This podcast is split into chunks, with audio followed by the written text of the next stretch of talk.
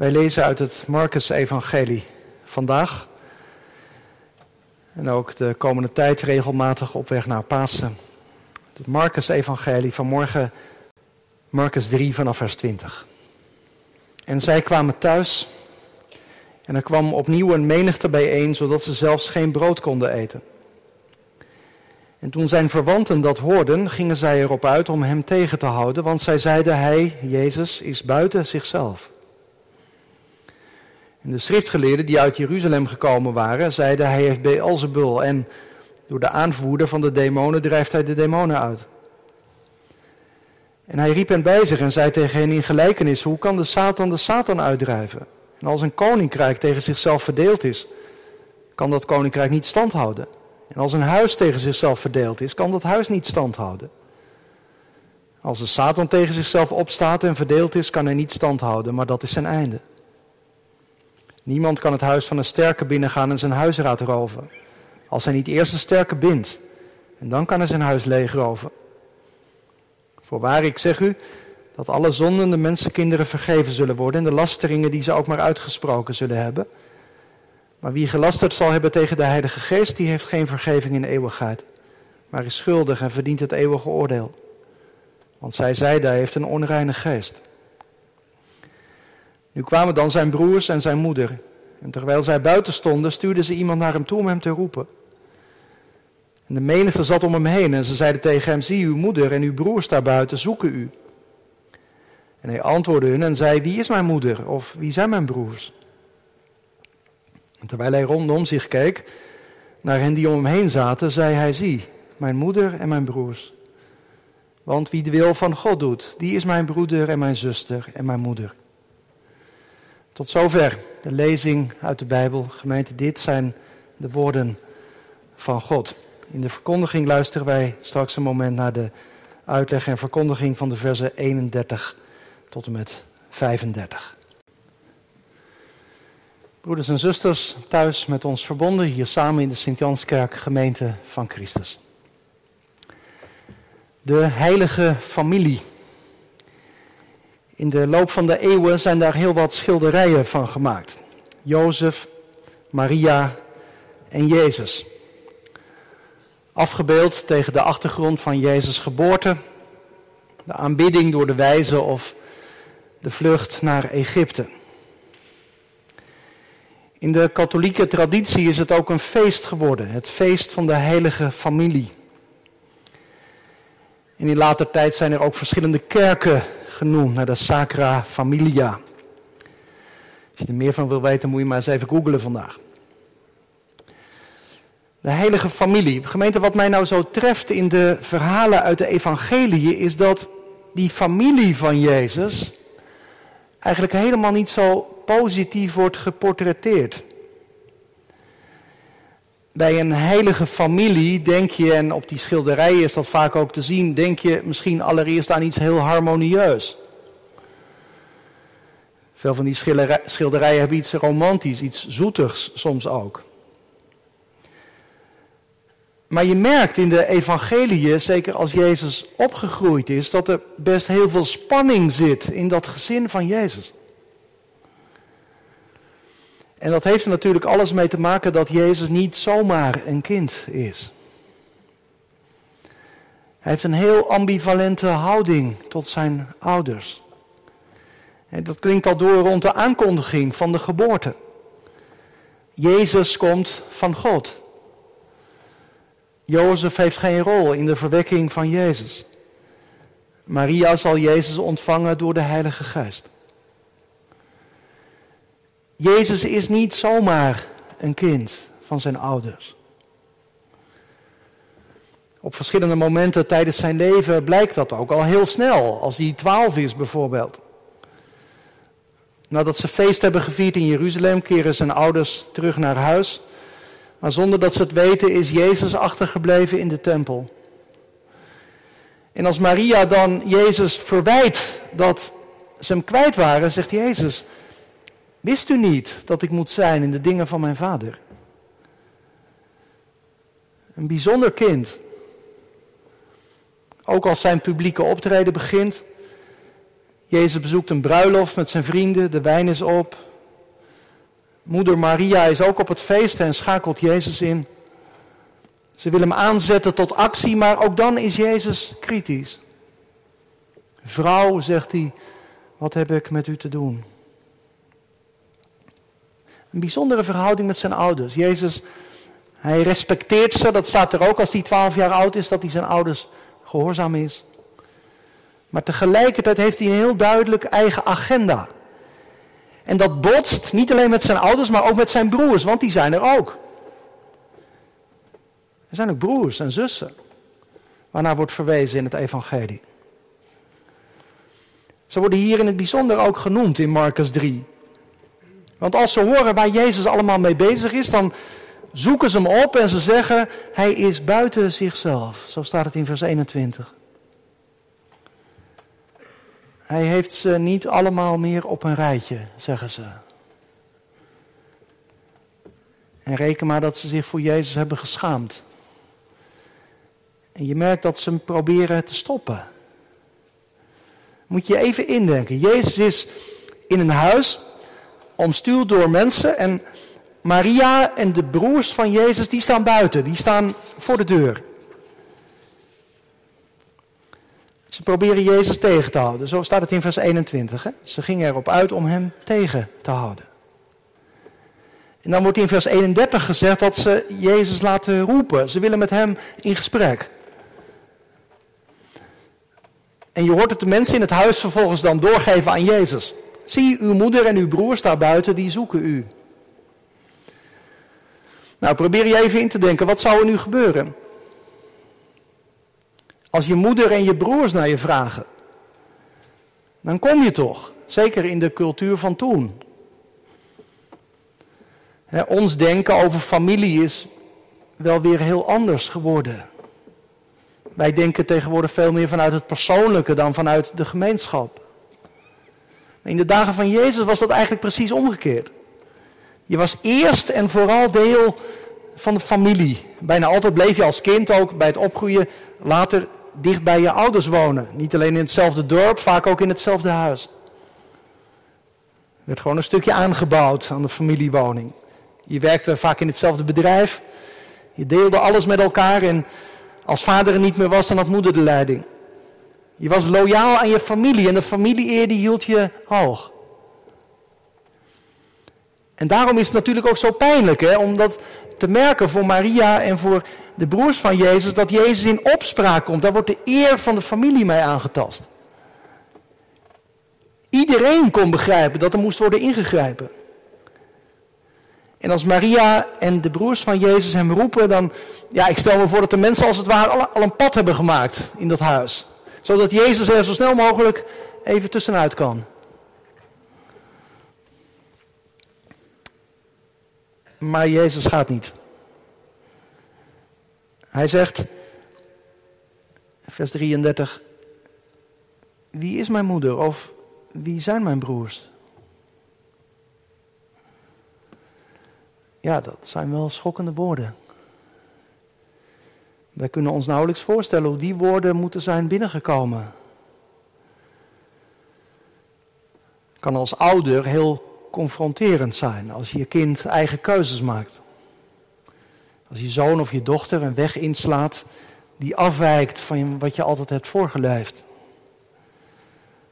En ook als broer of als zus kan dat moeilijk zijn. Als je een broer of een zus hebt die altijd een buitenbeentje is. Misschien ook wel heel aparte dingen doet. Misschien ook wel in opspraak is soms. Maar, maar hier, gemeente, hier gebeurt iets dat nog op een dieper niveau ligt. Want bij die missie van Jezus hoort dat hij het traditionele denken over de familie doorbreekt. Opeens gaat hij namelijk spreken over een nieuwe familie. Hij zegt, ieder die de wil van God doet, die is mijn broer en zuster en moeder. Ieder die de wil van God doet, wat is dat precies? Je bent geneigd om te denken aan het doen van de geboden. En dat is niet verkeerd, maar ik denk dat hier toch net nog iets anders wordt bedoeld. Want let er even op hoe Marcus het beschrijft. Jezus keek rondom zich. Vers 34, hè? hij keek rondom zich naar hen die om hem heen zaten. En hij zei, zie mijn moeder en mijn broeders. Jezus keek rondom zich heen. Wat doen die mensen dan hier? Wat, wat, ziet Jezus? Nou ja, hij, hij ziet mensen daar zitten die zich in zijn kring bevinden. Ze bevinden zich in de kring van Jezus. En die mensen wijst Jezus aan als zijn broers en zussen en moeder. En zeg ik dan maar gelijk even, dat is kennelijk voor Marcus primair de wil van God doen. Dat je bij Jezus in de buurt bent. Nou, dat vind ik prachtig. Dat vind ik echt heel mooi. En ook wel verrassend. Dat je om bij het gezin van Jezus te horen, dus niet allerlei ingewikkelde dingen hoeft te doen. Je hoeft je niet te kwalificeren als een goede christen. Je hoeft niet te voldoen aan bepaalde eisen. Je hoeft alleen maar in de buurt van Jezus te zijn. Dat wil zeggen daar te zijn waar Hij zich laat vinden. De lijnen doortrekkend zijn in de buurt van Jezus, dat is daar zijn waar de Bijbel open gaat. Daar zijn waar gedoopt wordt, waar avondmaal wordt gevierd. En die kring, die kring is open. Er kunnen altijd meer mensen bij. Rondom Jezus gemeente is altijd plaats. Er is overvloedig veel ruimte. En daarom zijn deze woorden van Jezus ook een uitnodiging. Een aansporing om er ook bij te komen. Om toe te treden tot het gezin van Jezus. Als gemeente mogen wij ons erin oefenen wat dat betekent om deel uit te maken van het gezin van Christus. En hoe is dat met een gezin? Ik zei er al iets over tegen de kinderen. Je kiest niet uit in welk gezin je wordt geboren. Daar word je geplaatst. Daar leer je om samen te leven. Om ruzie te maken en ook om het weer goed te maken. Om rekening te houden met elkaar, om lief te hebben. Nou, zo worden wij door het geloven in Christus in de gemeente ook aan elkaar gegeven. En wij beseffen allemaal heel goed, het kwam in ieder geval bij mij bij de voorbereiding wel weer binnen, dat van het gezin van de gemeente in de afgelopen twee jaar heel veel is gevraagd. Dat we zo vaak niet konden samenkomen, dat heeft de gemeenschap echt onder druk gezet. En voor je het weet vervreemd je ook een beetje van elkaar en vervreemd je van de gemeente. En daarom is het goed om vanmorgen weer met zoveel mensen samen te kunnen zijn. Goed om thuis verbonden te zijn als je hier niet kunt zijn, als het niet meer lukt. Samen te zijn in de kring van de gemeente. De kring van mensen rondom Jezus. En laten wij ons daar gemeente in oefenen. De gemeenschap weer zoeken, omdat het zo goed is om elkaar weer te zien. Maar ook omdat wij samen bij Christus horen, toch? Omdat we dicht bij Hem willen zijn, aan Zijn voeten willen zitten. Als broer en zussen van Zijn nieuwe gezin. En als wij avondmaal vieren, dan oefenen wij ons daar vandaag ook weer in. We ontvangen brood en wijn. Dat heeft iets heel persoonlijks. Je moet zelf je hand ophouden. Je drinkt zelf de wijn, maar we doen het ook samen. Samen vieren wij de maaltijd van Christus. Omdat wij allemaal leven van Hem. Mooi hoe dat in het avondmaalsformulier ook altijd weer wordt vertolkt. Er wordt gezegd, voor wijn heb je heel veel druiven nodig. En voor brood heb je heel veel graankorrels nodig. Nou, zo is het ook met het gezin van de gemeente. Al die verscheidenheid, al die verschillende mensen vormen met elkaar dat ene lichaam. Het ene lichaam van Christus. Er is nog één ding dat mij opvalt in Marcus 3, want aan het einde staan Maria en de broers van Jezus nog steeds buiten. Als je een buitenstaander bent, dan is dat nooit zo positief. Maar dat is wel wat hier gebeurt. Maria en de broers van Jezus staan buiten. Ze zijn buitenstaanders. Niet toegetreden tot de kring van de leerlingen. Dat moet verschrikkelijk pijnlijk zijn geweest voor Jezus. Als je eigen familie je afwijst. Als je broers je niet begrijpen. Echt een lijdensweg. Om zo te moeten lijden onder onbegrip en afwijzing.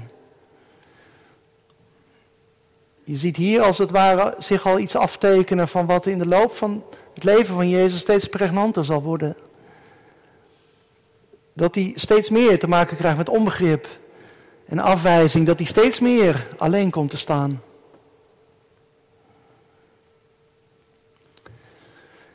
De eerste lezers van dat Marcus-evangelie, die hebben ook wel iets van die pijn gevoeld.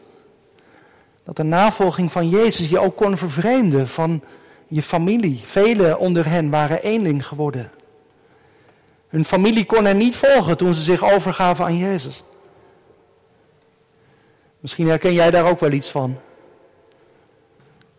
Als het geloof in Jezus onbegrip oproept bij mensen in je omgeving. Als ze het misschien wel heel vreemd vinden dat je weer naar de kerk gaat nu. Dat ze niet goed kunnen begrijpen waarom dat voor jou zo belangrijk is. Tegelijkertijd, daar sluit ik mee af, biedt het evangelie ook hoop. Want Maria en de broers van Jezus, die blijven hier buiten staan. Maar dat is niet het laatste woord. Maria heeft altijd in Jezus geloofd, al begreep ze hem lang niet altijd. Maar al bij de aankondiging van zijn geboorte zei ze: Zie, de dienstmaagd van de Heer, mij geschieden naar uw woord. In haar leven was die totale uitlevering aan God zichtbaar. Maria had geleerd om Jezus als haar ridder te zien. Dat lag anders met de broers en zussen van Jezus. Die zijn heel kritisch. Die geloven eerst niet in hem, vinden hem vooral een rare snuiter. Maar ook dat, ook dat blijft niet zo. Na zijn opstanding verschijnt Jezus aan Jacobus. En deze Jacobus schrijft later ook een brief die in de Bijbel terecht is gekomen. Hij noemt Jezus dan de Heer van de heerlijkheid. Deze Jacobus was een broer van Jezus. En ook van een andere broer is een brief bewaard gebleven, Judas. Hij schrijft een heftige brief om het geloof en de navolging van Jezus zuiver te bewaren. Uiteindelijk zijn dus ook zij toegetreden. De kring, het gezin van Jezus, het nieuwe gezin van Jezus, binnengestapt.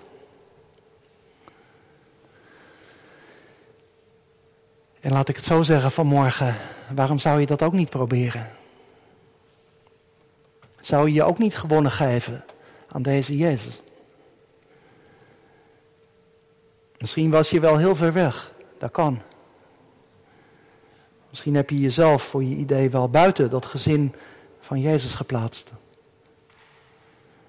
Maar vandaag klinkt het evangelie. Jezus, hij nodigt je als het ware in de kring. Hij roept je, hij spreekt je heel persoonlijk aan. Hij nodigt je uit om een stap te zetten. Om op te staan en te komen. Je handen op te houden. En de liefde van Christus te ontvangen. Kom bij mij, zegt hij. Want bij mij is alles wat je nodig hebt. Vanmorgen heel concreet, hier. Hier is brood en wijn in overvloed. Bij mij is vergeving en vernieuwing. Bij mij is hoop en troost. Alles wat je nodig hebt om te leven en om te sterven. Kom, kom en laat je dienen door mijn liefde. Want alles is gereed. Amen.